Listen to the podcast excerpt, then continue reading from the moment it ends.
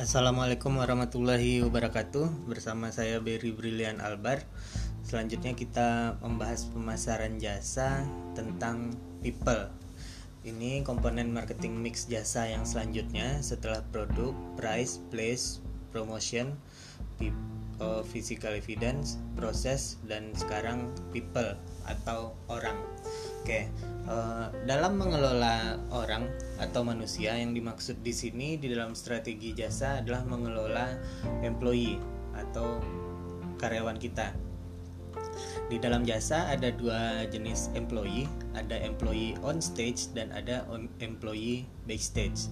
Uh, employee on stage adalah employee yang ada di garis depan, berhubungan dengan konsumen, berinteraksi dengan konsumen. Semua employee yang berhubungan dengan konsumen atau uh, berinteraksi dengan konsumen itu disebut dengan uh, employee on stage di mana kegiatannya emang mewajibkan dia untuk berinteraksi dengan konsumen sedangkan employee yang berada di belakang panggung biasa juga disebut dengan employee backstage. Jadi employee ini uh, melaksanakan tugasnya tetapi tidak perlu berhubungan langsung dengan si konsumen.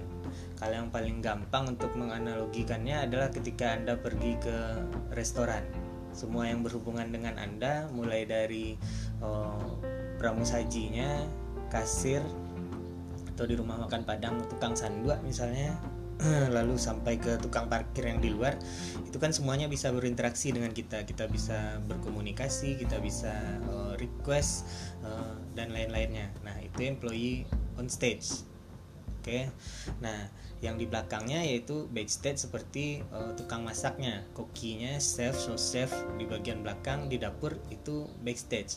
Walaupun kita bisa lihat kokinya, kadang kan ada yang dapurnya dapur transparan. Uh, walaupun kita bisa lihat tukang masaknya karena tukang masaknya ditaruh di depan misalnya, tapi uh, mereka tidak berinteraksi dengan kita. Mereka tugasnya di belakang panggung memproduksi uh, jasanya dalam hal ini memproduksi makanannya dan tidak perlu berinteraksi dengan kita. Nah, itu disebut dengan employee backstage. Jadi ada batas antara employee on stage dan backstage. Batasnya adalah line of interactionnya. Jadi ada garis yang mana yang berinteraksi dengan konsumen itu on stage, yang tidak berinteraksi dengan konsumen itu backstage. Kayak Anda naik pesawat misalnya, itu tiketing sampai ke pramugari itu adalah on stage sedangkan pilotnya uh, itu adalah employee backstage jadi seperti itu membedakan mana yang on stage mana yang uh, backstage walaupun kita bisa melihat pilotnya bersalaman dengan pilotnya tapi itu enggak esensial bukan hal penting di dalam uh, proses jasa yang diproduksi oke okay? jadi ada dua jenis employee di jasa ada yang on stage ada yang backstage oke okay. Uh, di bab ini salah satu penekanannya adalah di employee on stage. Jadi di sini katakan oh, employee on stage itu employee sebenarnya secara keseluruhan merupakan komponen penting di dalam perusahaan. Manusia itu salah satu komponen terpenting di dalam oh, perusahaan, termasuk juga perusahaan jasa. Kadang kita loyal terhadap sebuah jasa itu oh, orangnya. Mungkin kita makan di tempat makan yang sama berulang-ulang mungkin karena kasirnya cantik mungkin atau uh, kita nonton di bioskop yang sama berulang-ulang karena pelayannya lebih ramah daripada bioskop yang lainnya. Jadi orang penyedia jasa karyawan jasa itu bisa mempengaruhi si konsumen dalam mengkonsumsi apakah akan loyal nambah atau berhenti untuk mengkonsumsi jasa tersebut.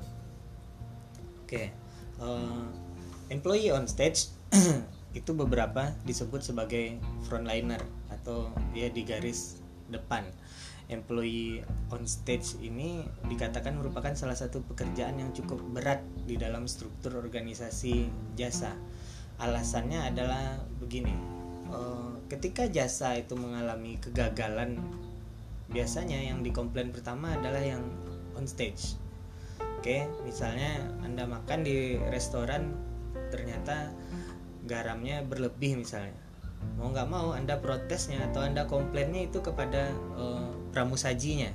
Sedangkan kesalahan penaburan garam itu terjadinya di backstage. Entah itu uh, tukang masaknya so chefnya yang salah memasukkan garam. Tapi komplain kita pertama itu biasanya ke pramu sajinya atau ketika kita naik pesawat misalnya udah 30 menit pesawat kita masih di hangar aja eh, eh masih di landasan pacu belum terbang-terbang pesawatnya udah mulai gerah di dalam pesawat. Nah biasanya kita komplainnya itu kan ke pramugarinya. Sedangkan yang menyebabkan terlambat itu bukan pramugarinya tapi mau nggak mau karena dia adalah frontliner atau di bagian depan maka hal tersebut mau nggak mau harus dia hadapi. Makanya banyak yang mengatakan frontliner di jasa atau on stage employee itu terasa lebih berat pekerjaannya karena dia harus menghadang uh, semuanya menghadang moment of truth dengan si konsumen menghadang komplain konsumen menghadang request semua kandaknya konsumen itu dihadang oleh employee yang uh, on stage. Makanya dikatakan employee on stage itu kadang lebih berat dan agak uh, stressful juga. Beberapa mungkin merasa gajinya kadang lebih besar pula yang di backstage daripada yang on stage. Nggak berlaku umum juga. Tapi contohnya misalnya seperti di pesawat ya pilot pastinya lebih tinggi gajinya daripada uh, pramugari nah makanya dikatakan on stage atau yang frontliner ini uh, stresnya itu lebih berat dibandingkan yang uh, di backstage Oke, tikun tekanan itu timbul di employee on stage atau frontliner itu dalam berbagai hal. Pertama adalah personal versus uh, peran.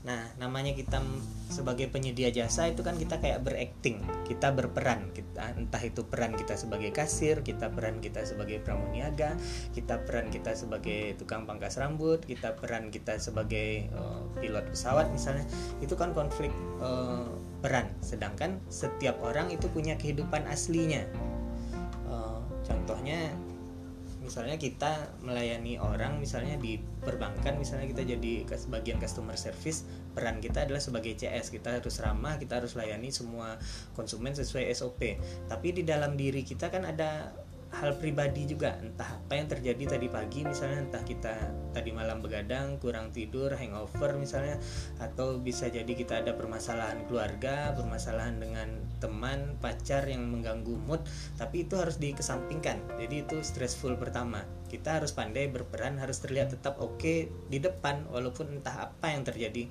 di dalam diri kita. Oke tekanan selanjutnya adalah uh, perusahaan versus si konsumen. Nah, ini bisa jadi ada kesalahan dari perusahaan dalam pelayanan jasa atau nggak cocok bagi konsumen. Nah, ini bisa juga konflik. Seperti yang dijelaskan tadi, konflik tersebut mau nggak mau harus dihadapi oleh si frontliner, walaupun kesalahan bukan dari si uh, frontliner. Tekanan selanjutnya adalah si konsumen dengan konsumen bisa saja berkelahi, bisa saja terjadi konflik. Nah, ketika terjadi konflik ini misalnya antar meja makan beda konsumen perang uh, misalnya uh, lempar-lempar kerupuk kuah misalnya.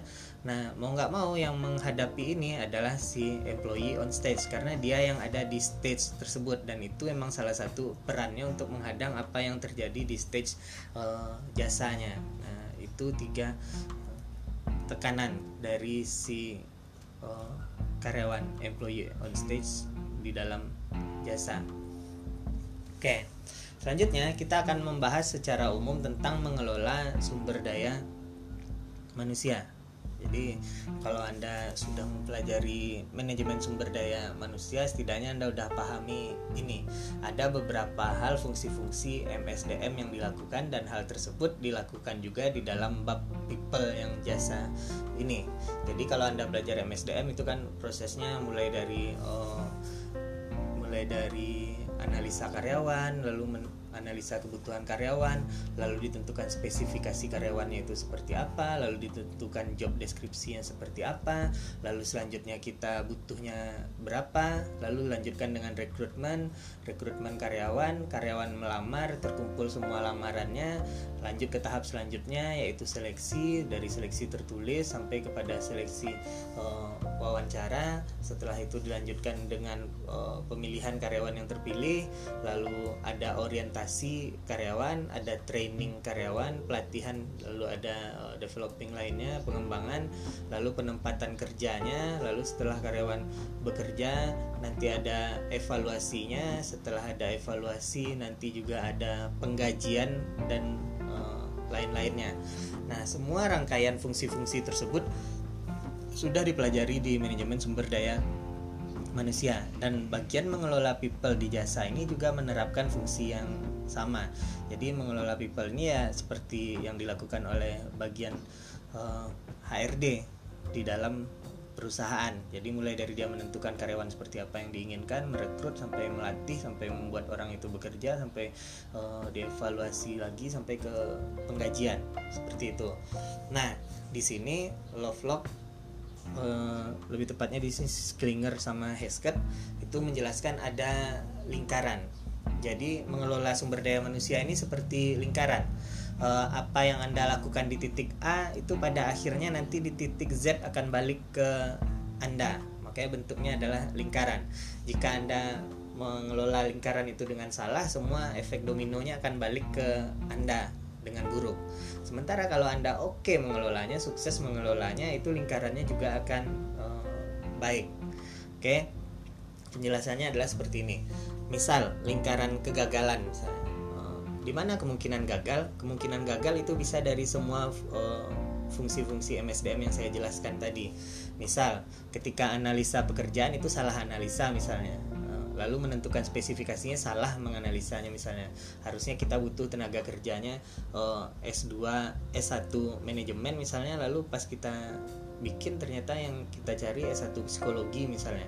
Nah lalu akibatnya kita buka lowongan lalu orang mendaftar orang yang mendaftar tidak sesuai itu efeknya panjang sampai ke ujung. Jadi makanya di dalam uh, menjalankan fungsi MSDM itu satu saja kegagalan itu bisa berefek buruk pada semuanya. Mulai dari salah analisa salah merekrut salah menseleksi misalnya terpilih misalnya yang pakai orang dalam misalnya itu efeknya lebih panjang lagi. Udah terpilih orangnya misalnya oke okay lah orang yang terpilih misalnya tepat. Lalu nggak dilakukan pelatihan yang cocok atau orientasinya juga tidak membuat orang nyaman misalnya. Itu akan menyebabkan dia tidak nyaman juga uh, bekerja. Lalu evaluasinya buruk gajinya juga buruk misalnya makin drop lagi dia bekerja.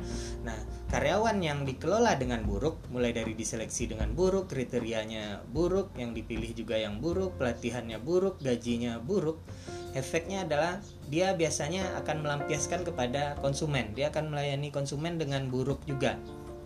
Nah konsumen yang dilayani oleh karyawan tersebut dengan buruk itu biasanya akan kecewa, tidak puas dan biasanya tidak mengkonsumsi jasa kita lagi, berhenti mengkonsumsi lalu uh, hilang konsumen kita satu persatu. Ujung-ujungnya yang dirugikan adalah perusahaan juga. Konsumen berkurang, mungkin bisa lama, bisa lama-lama hilang konsumennya tidak ada lagi keuntungan sehingga akhirnya perusahaan merugi bisa jadinya tutup. Jadi tidak gampang uh, untuk melakukan uh, kesalahan tadi jadi satu titik aja kesalahannya itu bisa efeknya sampai balik sendiri ke diri Anda. Jadi Anda sebagai pengelola perusahaan salah mengelola orang itu bisa bisnis Anda juga salah jadinya. Nah, itu yang disebut dengan lingkaran karena semuanya akan balik ke kita. Salah kita mengelola SDM karyawan kita dia akan melayani konsumen dengan buruk konsumen yang dilayani dengan buruk nggak beli jasa kita lagi kita bangkrut tutup jadi seperti itu. Jadi pikir-pikir lagi kalau misalnya anda mau mengelolanya dengan buruk mau memasukkan orang yang anda kenal menggunakan uh, istilahnya misalnya ini pakai uh, rekanan misalnya pakai orang dalam misalnya ya pastikan dulu Anda tidak merusak lingkaran tadi. Karena apa pun yang Anda lakukan di lingkaran itu termasuk menggaji orang dengan buruk itu orangnya juga akan bekerja dengan uh, buruk. Yang akan buruk juga perusahaan Anda sendiri. Jadi harus dipikirkan efeknya karena ini seperti lingkaran dan itu saling berkait semuanya. Itu lingkaran uh, kegagalan. Bagaimana sebaliknya Nah, sebaliknya adalah lingkaran kesuksesan. Jadi jika Anda menganalisa uh, job analisisnya benar, job desknya benar, job spesifikasinya benar, rekrutmennya benar, seleksi dilakukan dengan benar, terpilih orang yang benar, diberikan orientasi yang benar, pelatihan yang cocok dan benar juga, lalu mereka bekerja dengan benar, dievaluasi dengan benar, digaji dengan benar, ujungnya karyawan yang benar tadi dia puas bekerja. Karena dia puas puas bekerja dia akan melayani konsumen dengan sepenuh hati. Dia juga akan berusaha memuaskan konsumen. Dia juga akan berusaha menjaga perusahaannya supaya tetap baik supaya tidak buruk di mata konsumen. Dia akan loyal kepada perusahaannya. Nah konsumen yang dilayani dengan baik tadi biasanya akan puas. Konsumen yang puas akan mengkonsumsi lagi jasanya atau bisa jadi dia rekomendasikan ke orang lain word of mouth positif ke orang lainnya sehingga orang lain akan banyak berbelanja di jasa kita. Itu lingkaran kesuksesan. Jadi kalau dijalankan dengan tepat dan benar yang terwujud adalah lingkaran kesuksesan tadi. Karena karyawan yang puas akan bikin konsumen juga puas konsumen yang puas juga akan bikin profit perusahaan Anda juga memuaskan jadi seperti itu makanya orang mengatakan sumber daya manusia merupakan komponen paling penting di dalam uh, organisasi. Dan Anda harus kelola itu dengan baik karena ini manusia uh, bukan mesin, ada faktor perusahaan tadi, ada faktor stressful uh, tadi ada faktor kondisi pribadi juga. Makanya semuanya harus dikelola dengan baik sehingga bisnis anda juga baik. Itu yang disebut dengan lingkaran kegagalan dan lingkaran uh, kesuksesan.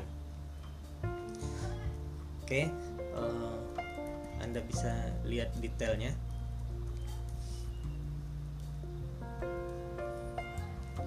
Nah selanjutnya seperti ini. Uh, ada yang menanyakan permasalahannya begini. Kalau kita punya perusahaan jasa lalu kita latih karyawan kita kita latih karyawan kita kita berikan training yang oke okay, lalu setelah dapat training itu dia akhirnya memutuskan untuk berhenti atau pindah bekerja. Jadi perusahaan kita cuma dijadikan batu loncatan aja.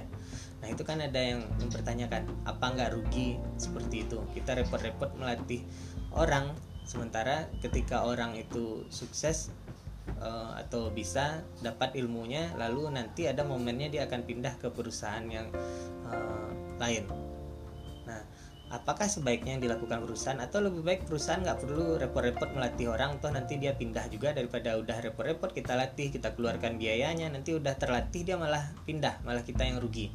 Nah jika anda sebagai bagian HRD-nya bagian personalia dari dua pilihan itu apa yang akan anda pilih? Yang pertama apakah anda tetap latih walaupun ada kemungkinan suatu saat ketika dia sudah terlatih dia akan beralih ke perusahaan lain pindah bekerja atau anda memutuskan lebih baik nggak usah dilatih lebih baik seperti itu saja ya nanti kita nggak rugi juga kalau dia pindah. Oke jawabannya adalah seperti ini. Uh, pelatihan itu merupakan kewajiban bagi perusahaan. Dan kalau anda dihadapkan pada dua pilihan itu pilihan yang tepat adalah anda tetap harus melatihnya walaupun selalu ada kemungkinan orang untuk berpindah atau mencari pekerjaan yang lebih uh, baik. Itu hak hak setiap orang juga tapi nggak ada salahnya anda untuk melatihnya. Oke jadi baiknya anda latih saja. Kenapa begitu? Karena kalau anda nggak latih berarti dia nggak e, meningkat kemampuannya e, skillnya juga tidak meningkat dan dia bertahan juga lebih buruk lagi. Bukankah lebih baik melatih orang walaupun dia bekerja sebentar? Ya sudah yang penting bagus bagi perusahaan. Daripada anda malah tidak melatih lebih repot lagi anda sudah tidak melatih orang tersebut orang itu skillnya nggak naik naik dan dia tetap bekerja dengan anda. Dan itu saya rasa itu lebih uh, buruk. Udah dia skillnya nggak nambah terus dia betah juga bekerja dengan kita. Makanya opsi yang harus diambil uh, abaikan semua itu perhitungannya. Jadi tetap pelatihan itu merupakan hal yang wajib anda lakukan supaya karyawan Anda mampu bekerja dengan baik. Toh kalau dia bekerja dengan baik, setidaknya produktivitas perusahaan Anda akan uh, meningkat. Mengenai nanti dia akan pindah atau tidak pindah itu uh, soal lainnya. Yang penting latih dulu supaya dia mampu dan bekerja dengan baik di dalam perusahaan Anda. Seperti itu. Oke, uh, intinya bab ini lebih menekankan pada fungsi-fungsi yang dilakukan di dalam manajemen sumber daya manusia atau manajemen personalia. Jadi semua rangkaiannya itu mulai dari awal sampai uh, akhir itu yang dialami oleh si uh, karyawan. Tujuannya adalah membuat karyawan itu mampu uh, mampu memproduksi jasa yang baik sehingga jasa yang baik ini dikonsumsi pula oleh konsumen dan konsumen yang mengkonsumsi jasa yang baik biasanya akan puas dan loyal. Konsumen yang puas dan loyal itu baik untuk profit dari uh, perusahaan. Demikian semoga menjadi ilmu yang bermanfaat